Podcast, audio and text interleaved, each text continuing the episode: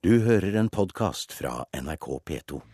Og da er det tid for Politisk kvarter, programleder Bjørn Myklebust. Og du måtte ta en telefon du etter at du hadde åpnet avisen i dag. For flere partier ville du bare sett ut som en kommafeil. Men for Høyre er 37,6% i en måling ny rekord.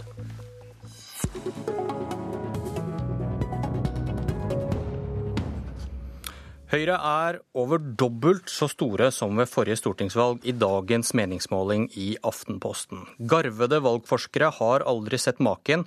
Det har ikke Høyre-leder Erna Solberg heller. Nei, jeg kan ikke huske noen meningsmålinger eh, fra Høyre som har vært eh, så høye som dette. Så det er selvfølgelig veldig god morgen. Våger du å tro på dette? Jeg har jo den lille, eh, lille isen i magen på at det vil alltid være noen meningsmålinger som som vurderer partier enten for lavt eller for høyt. Dette ligger veldig mye høyere enn andre meningsmålinger nå, selv om de òg er veldig bra. Men eh, jeg skal ikke snakke alt ned, for jeg, jeg syns det er greit å ha en hyggelig dag med en god meningsmåling. Hva betyr 22.07 for denne og de andre gode målingene? Jeg synes jeg, jeg er litt usikker på det.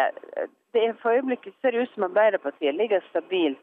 Går litt tilbake på denne målingen, men ikke så mye. Og de andre har de også ligget sånn ganske stabilt.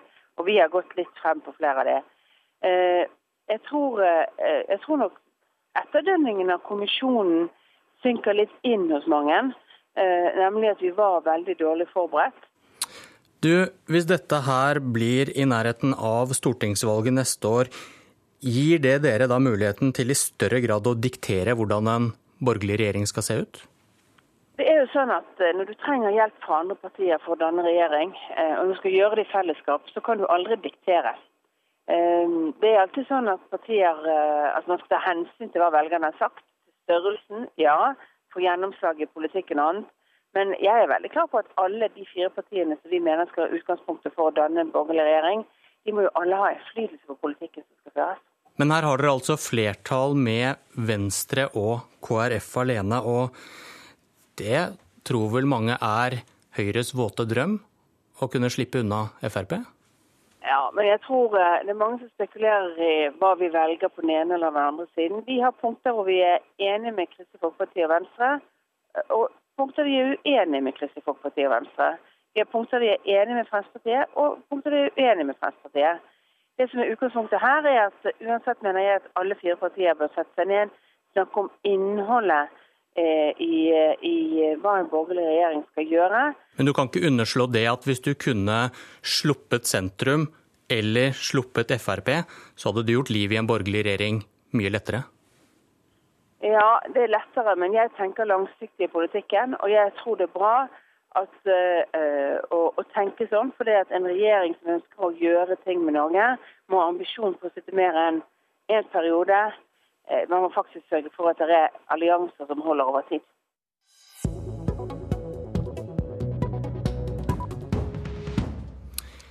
I dag faller dommen. En meningsmåling i VG viser at 72% mener Anders Behring Breivik er tilregnelig. Og betyr det noe? Justispolitisk talsmann for Arbeiderpartiet, Jan Bøhler? Ja, det er jo et uttrykk for den allmenne rettsoppfatningen etter eh, rettssaken. Og, og, um, det er klart at um, dommerne og retten gjør sine eh, kommer med sine beslutninger eh, ut ifra lovverket, dagens lovverk og det som har skjedd i rettssalen. Men um, det vil også komme diskusjoner framover om hvordan tilregnelighetssystemet skal utformes i norsk rett. Og, og, så det kan på mange måter få innflytelse på hvordan dette vil se ut i framtida, hva folk har opplevd nå. Hans Frode Asmyr, du sitter også i justiskomiteen for eh, Fremskrittspartiet. Hva er konsekvensen av en dom som sier at han var for syk til å straffes, mens folket er overbevist om det motsatte?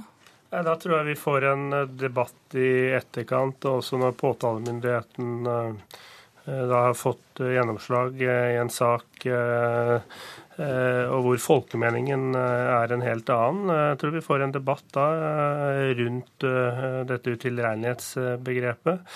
Det er klart at dette er det jo domstolen ene og alene som avgjør, og det er vanskelig å si nå hvilke vurderinger de, de, de gjør. Men Min oppfatning er nok at de også i dommen må legge vekt på en del samfunnsmessige hensyn også i vurderingen. Hva slags endringer ser du for deg, Bøhler, etter denne dommen? Hva, hvor vil diskusjonen om tilregnelighet gå? Det vil jo, uansett om dommen havner i utilregnelighet eller tilregnelighet, så vil vi nedsette et utvalg og sette i gang en større eh, gjennomgang av hvordan dette systemet skal være i framtida. Ut fra de erfaringene vi har i denne saken, men også i mange andre saker.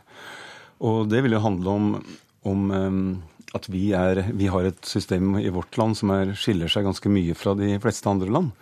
Og, og det handler om tilregn, hvordan tilregnelighet eh, skal eh, og utilregnelighet skal bevises, og om det skal, eh, om det skal være på mer presist enn det er i dagens system. Ja, Hva tenker du om det når du har sett forvirringen rundt kommisjonsrapporter og om man var syk eller ikke? Vet du allerede nå endringer du kunne tenke deg å gå inn for?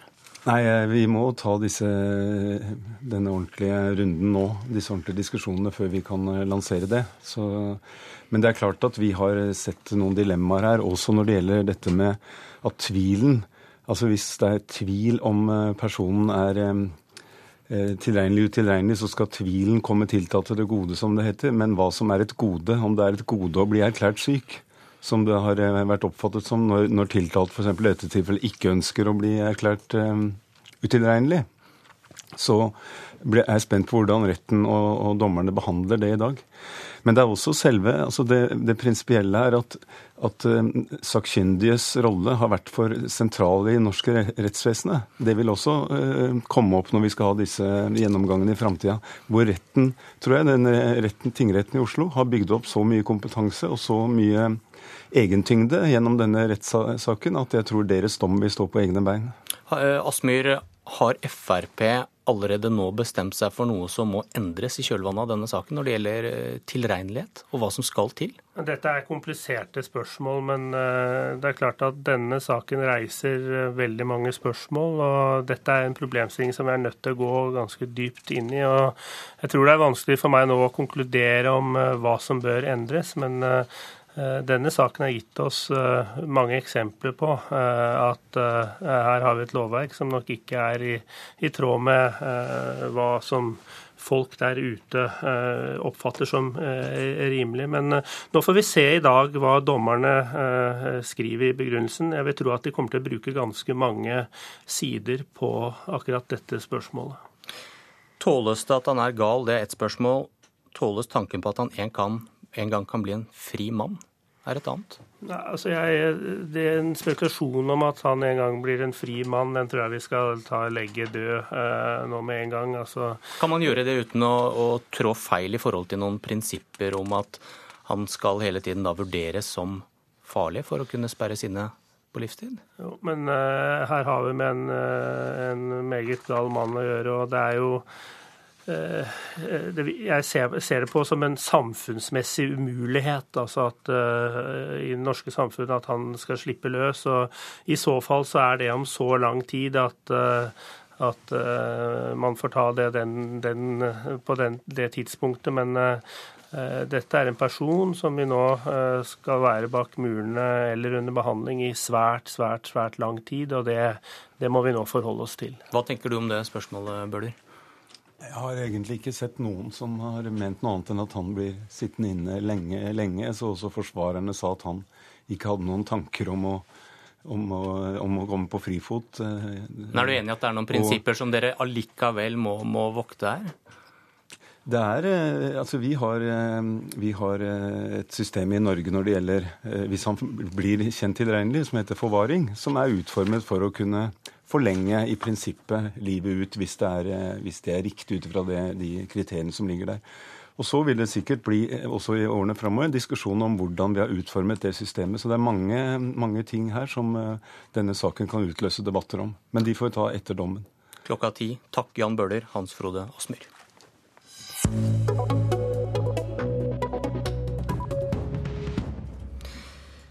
Denne uken har vi fortalt om at Norwegian leier inn piloter fra utenlandske vikarbyråer, men de jobber i Norge.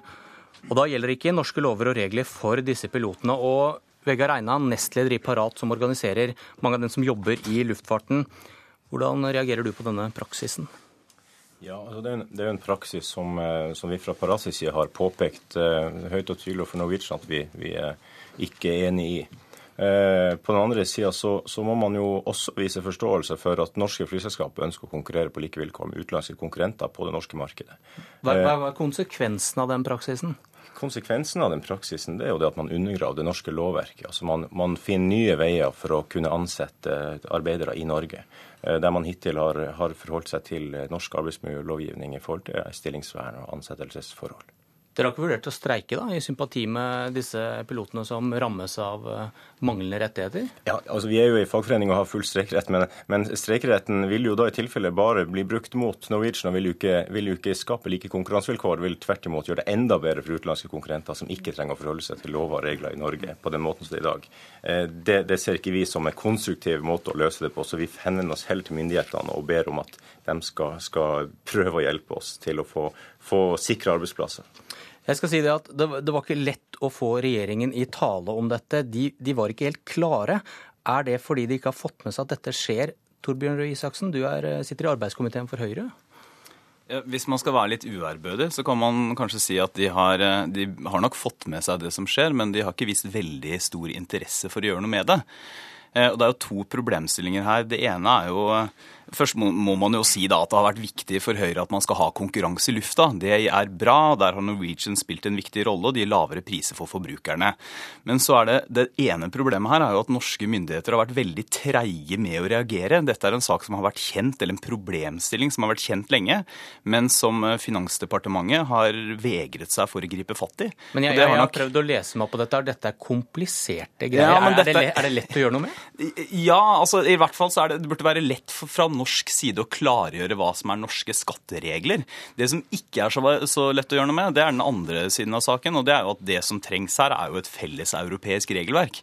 Men der har vi jo én fordel gjennom EØS-avtalen. Vi vet jo at f.eks. innenfor vikarbyrå, gjennom det såkalte vikarbyrådirektivet, så fikk man en felles europeisk regulering av vikarbyråbransjen. Og her trenger man på samme måte en felles europeisk regulering som gjør at man får rettferdig konkurranse. For det er det det handler om her. Konkurranse er bra til beste for forbrukerne, men det kan ikke være konkurranse som underminerer sentrale deler av bl.a. norsk regelverk. Da.